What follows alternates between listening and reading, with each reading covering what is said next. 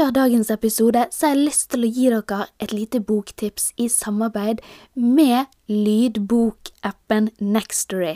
Og boken er Louise Hay, du kan helbrede ditt liv. Og jeg sier bare, har du ikke råd til psykolog eller terapi, da lytter du til denne boken. For det Louise gir deg, det er en oppskrift. Det er øvelser der du går i dybden på dine egne traumer, din egen barndom, og så bruker du hennes modell til å rett og slett leve ditt aller beste liv. Og den er så fin! Men her kommer supertilbudet. Hvis du er ny kunde hos lydbokappen Nextory, så kan du få 45 dager gratis prøveperiode. Da rekker du denne boken og veldig mange andre fantastiske bøker som ligger der inne. Så du går inn på nextory.no slash Amalie og signer opp. Og det er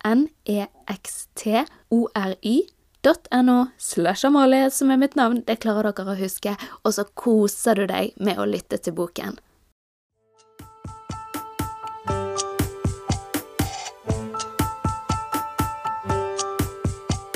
hadde jo håpet, Amalie, for din del at uh, denne episoden, eller en, denne episoden denne uken, skulle vi stå over. Ja, det hadde jeg òg. Men her sitter vi, yet again, ja. ja, og venter. Og jeg venter og jeg venter og jeg venter. Og når lytterne hører dette da, så er jeg jo kanskje på sånn overtidskontroll, for det er på onsdag. Ja. Eh, og så har jeg da fått en time på kvinneklinikken, altså neste tirsdag, da. Mm. Men du vet, målet mitt er selvfølgelig å ikke gå på den. Det vil jo være Nei, nei. Det var, det var, en litt sånn traumatisk opplevelse forrige gang å bli satt i gang. Jeg vet ikke, Har du blitt satt i gang? Nei. De brukte en sånn eh, teknikk som heter stripping, som sikkert de fleste har hørt om. Og det er jo at de da går inn og Dette blir too much information for enkelte her, men de går jo inn, da, og så fjerner de et sånt lag i livmoren, noe sånn membranlag, da. Og det gjøres jo fysisk, på en måte, da. Eh, så det var altså så vondt. Mm. At det var helt forferdelig.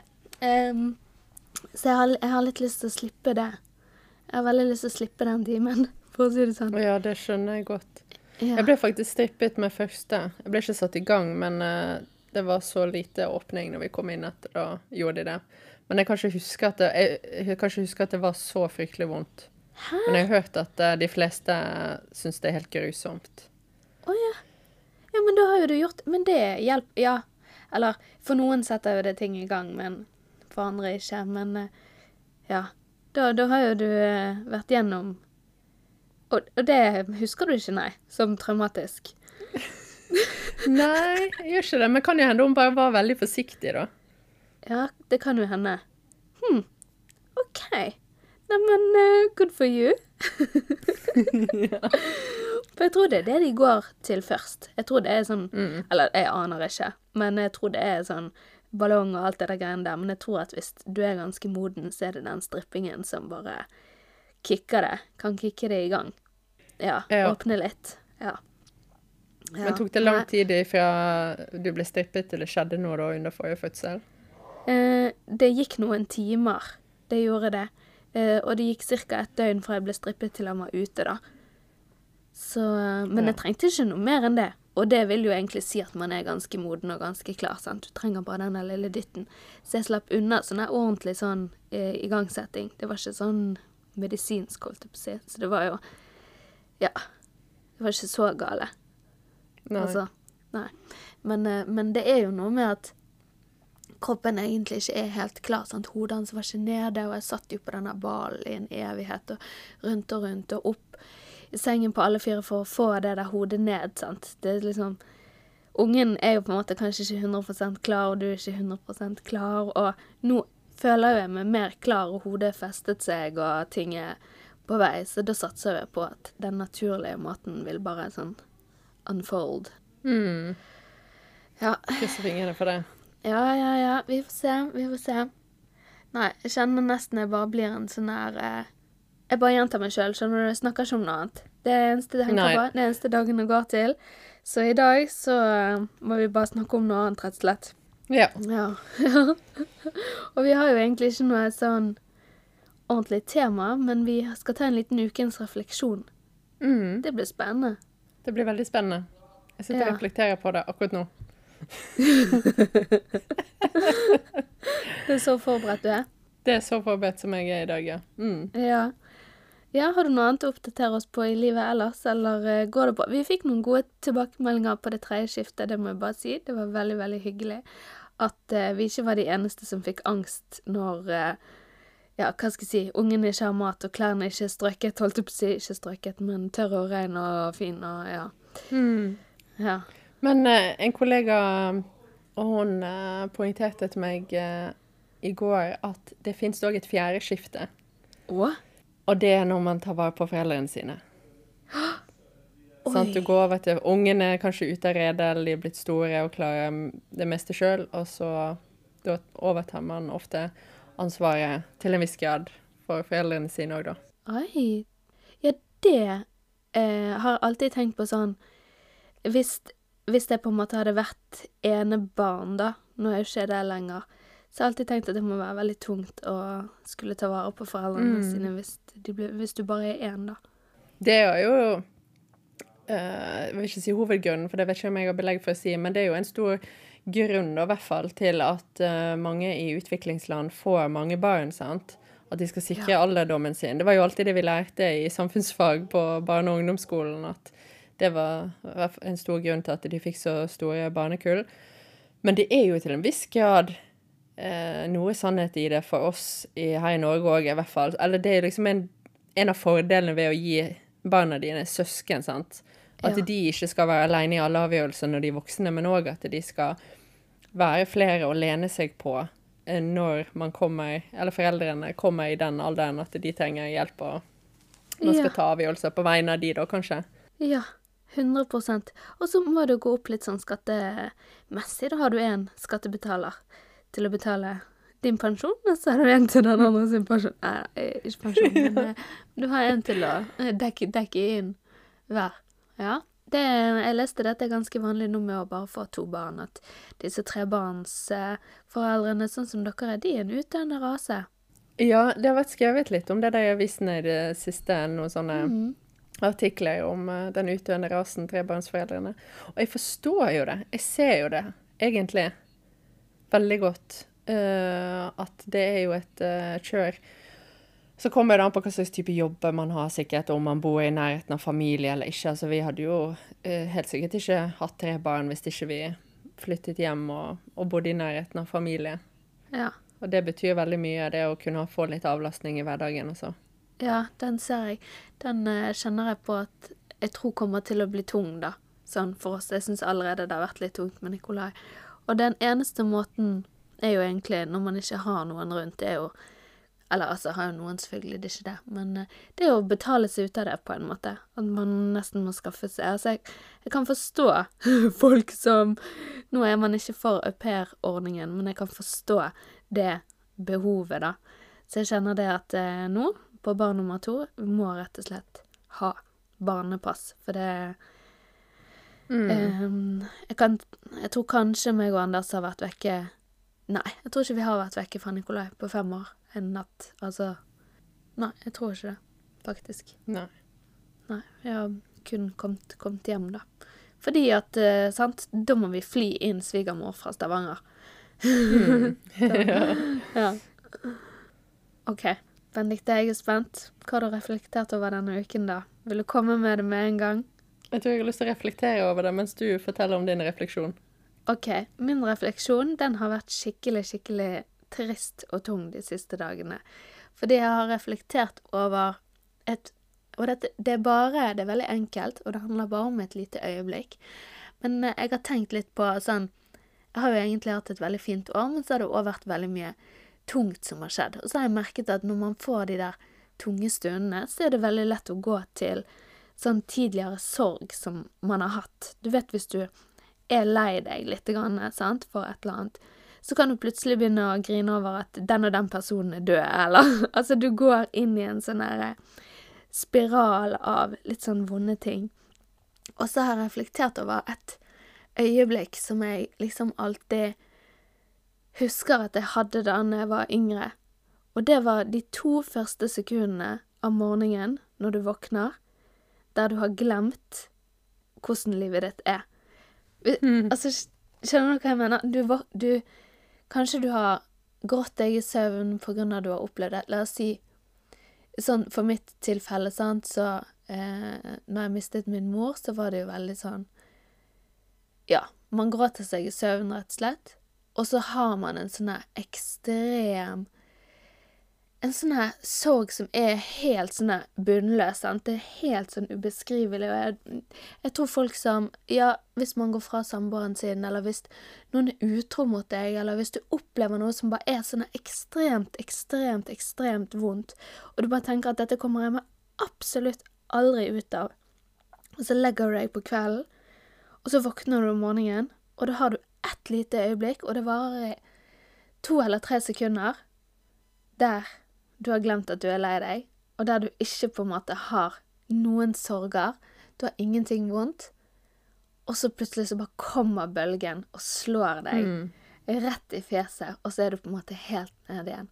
Og så bare har jeg lagt i sengen, så tenkte jeg jøss, de to sekundene Jeg husker hvor mange ganger jeg opplevde bare de to sekundene som helt sånn der Wow! Og så bare dunk, så kom det. Og jeg vet ikke hvorfor jeg tenkte sånn på det øyeblikket der, men uh, ja, det, jeg har liksom reflektert over det med, med, sorg, at det er helt utrolig hvordan det kan føles så vondt, og så blir det på en eller annen ufattelig, utrolig måte litt bedre for hver dag, uten at du nesten merker det, sant. Du ligger der den ene mm. dagen, du er så lei deg for det som har skjedd. Du, bare, du har det så vondt. Du kan ikke tenke deg at ting blir vondere.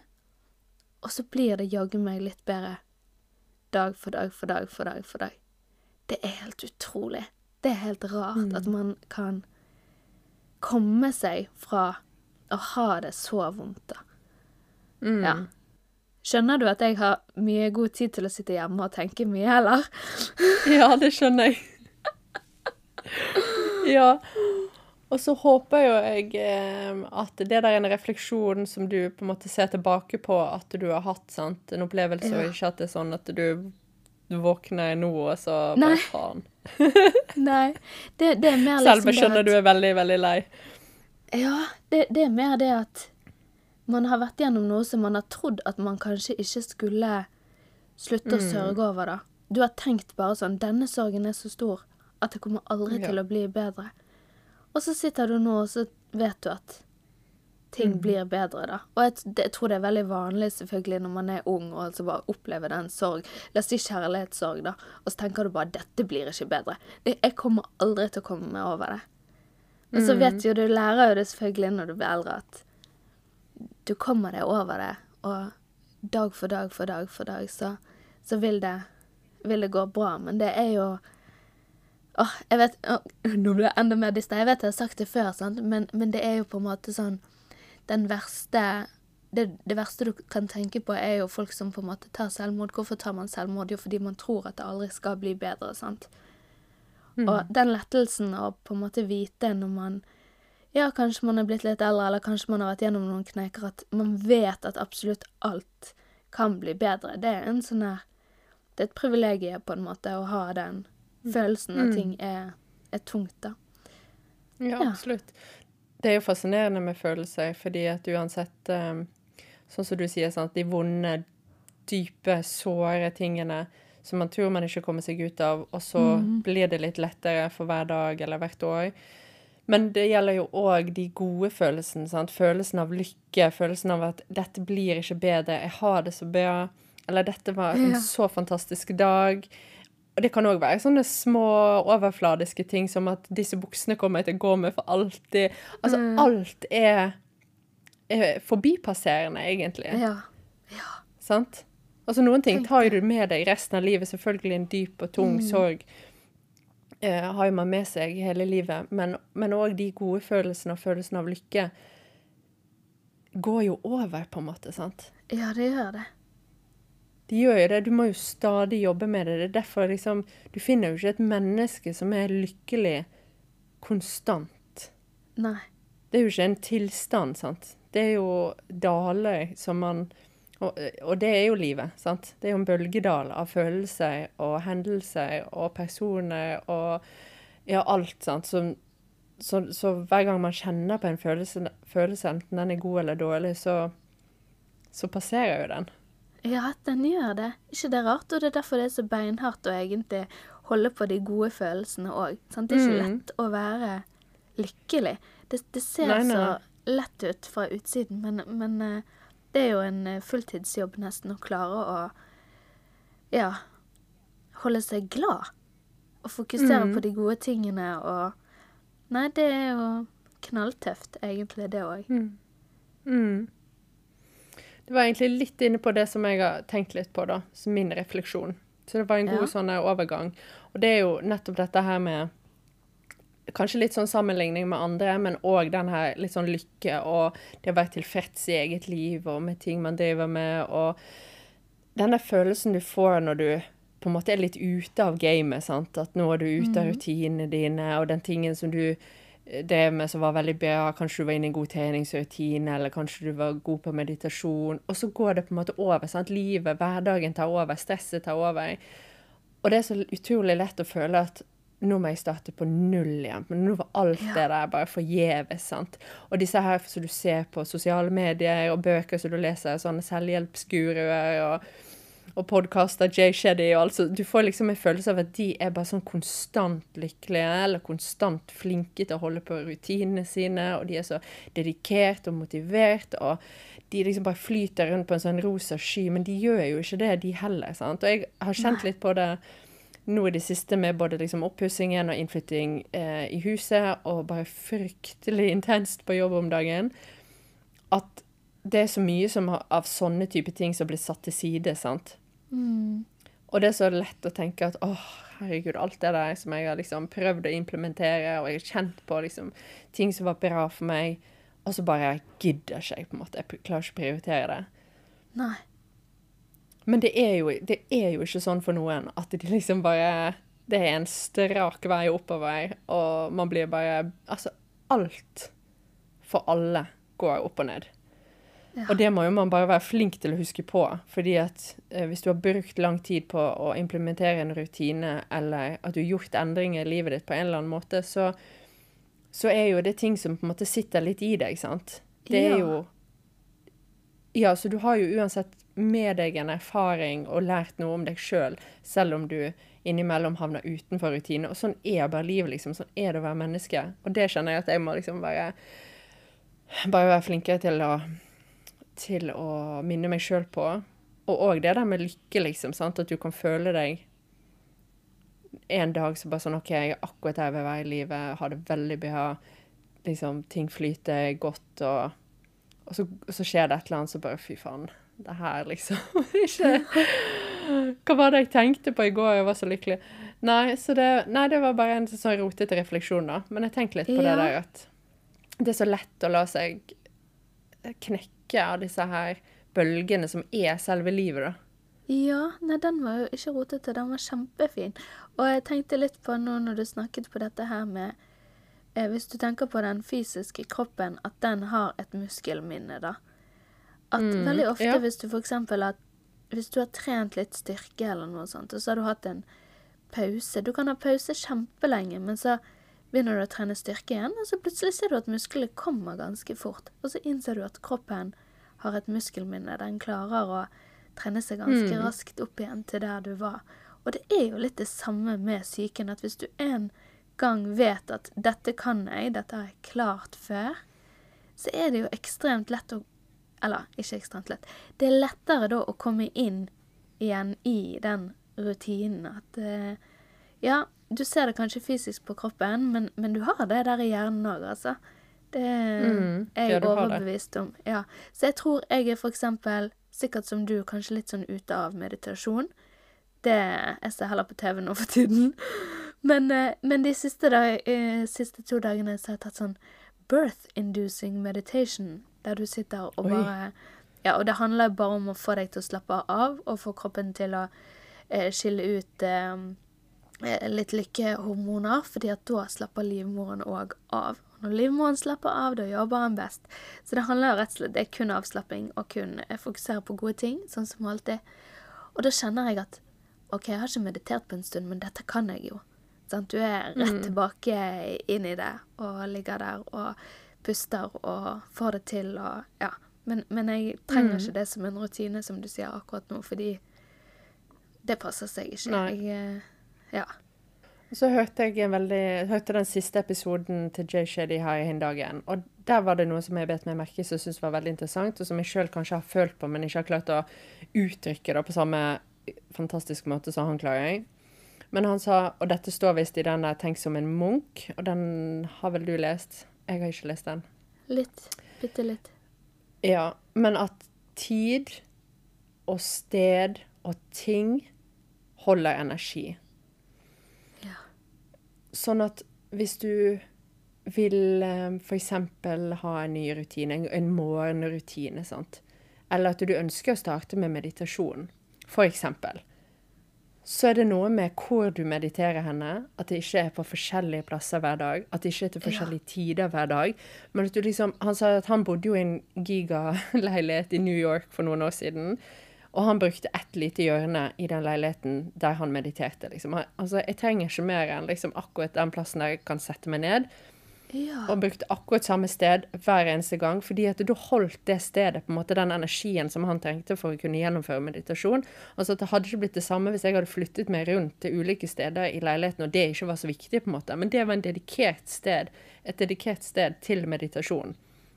Og så Samme gjelder jo òg for tid. sant? Veldig ofte at folk, hvis de prøver å trene til veldig ulike tider, så, så blir jo kroppen litt sånn OK, men vi er jo vant til å trene på morgenen, hvorfor skal vi trene nå på ettermiddagen? Det er så mye lettere å på en måte komme med uh, unnskyldninger overfor seg sjøl for å la være, da. Fordi at å ja, men jeg vanligvis pleier å trene på morgenen, så da kan jeg ikke trene nå på ettermiddagen. Altså, det, det er ofte vel Altså, folk er jo glad i vaner og rutiner og sånt, men det er òg veldig viktig at de eller kan være viktig, da. At de skjer på samme tid og på samme sted. fordi at de, det holder en viss energi som er viktig for å klare å gjennomføre den tingen man ønsker. Det syns jeg var litt interessant. Ja, det var spennende. Åh, nå bare hører jeg sånn hver eneste person som har sagt opp igjennom at sengen er til for å sove i, på en måte. Sant? Det er Ja, derfor du ikke skal klusse med å gjøre alt mulig annet i sengen. Eller ligge deg liksom i sengen for å ta en time hjemmekontor. Bare 'Å, nå skal jeg sitte her og slappe litt av', liksom. Nei, ikke gjør det. Dediker sengen til å Mm. sove. Da vet Da kobler jeg OK, her er det søvn. Og det er jo alltid sånn når jeg skal meditere eh, i sengen, sant, så kan jo du vedde på at jeg sovner. Ja, sant. Ja, den var god. Det var et godt poeng. Mm. Dedikere tid. OK, dette er tidsrommet der jeg gjør dette på. Og dedikere et sted. Søren òg, kanskje det kan jeg bli bedre på. Og dedikere steder. Altså Dette er jo mitt podkaststed, for eksempel, og så har jeg mitt meditasjonssted, og så har jeg mitt frokoststed. Litt beroligende, egentlig. Ja, for det det er jo egentlig veldig logisk, da. Sånn hvis du er vant til å gjøre noe, sant. F.eks. på jobb, hvis du er vant til at dette møtet det holdes inn på dette rommet, og jeg står der, og så er den tingen der, og de sitter der, og du liksom Du er inni den, Ja. og der har du kontroll, og du liksom bare null stress. Og så blir det møtet flyttet til en annen plass. noe sånt. Så blir du litt sånn satt ut. sant? På sånn, ok, Hvordan er det rommet? Klarer jeg å mm, da må jeg... Ja, at det blir liksom bare sånne små forandringer. Selv om det du skal gjøre er på en måte akkurat det samme, så forandrer det fysiske stedet rundt deg, så blir du litt satt ut. Det er en annen energi over det. Ha. Og det tror jeg må det, Når jeg hørte det, så tenkte jeg OK, det makes sense, liksom. At man tar det med seg òg inn i ting man ønsker eh, å endre på, da. Eller gjøre mer av, eller Ja. Ja, ja, ja. Og vet du hva, hvis man hadde gravd enda dypere i dette, så hadde man sikkert kommet inn i feng shui-verden hvis man skulle tenke på eh, energi i rom og i hjørner og eh, alt dette her. Og det syns jeg er ganske spennende, så det skal jeg prøve faktisk å lese meg litt opp på. Og så kanskje får vi en episode om det i fremtiden. For det, dette med feng shui, at liksom eh, du har Hva skal jeg si blokkeringer i rommene som kan gjøre at energien ikke beveger seg rundt, og at rot kan skape ting, og at feile elementer kan Ja. Eh, jeg er ikke så god til å forklare på en måte hva det betyr, men, men jeg tror litt på det, da.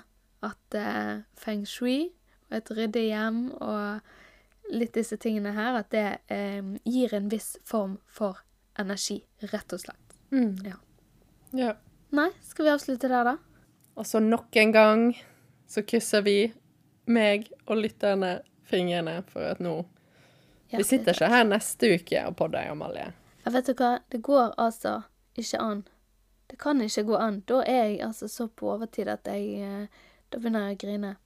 Nei, la oss se. Nå, eh, som sagt, denne episoden kommer ut på onsdag, og da har Nikolai bursdag òg, sant. Så nå må jeg må enten bare føde i dag, eller så må jeg bare knipe igjen. Så eh, ja. vi får se. ja. ja. Sånn er det. Å, det er så grusomt når du har en dag du bare ikke skal føde på. Jeg husker med han første, mm så var jeg livredd for at han skulle komme Jeg hadde jo termin i slutten av januar, da, men jeg bare sånn Jeg orker ikke at det her skal bli sånn 31. desember-barn. ja. Og hjelp.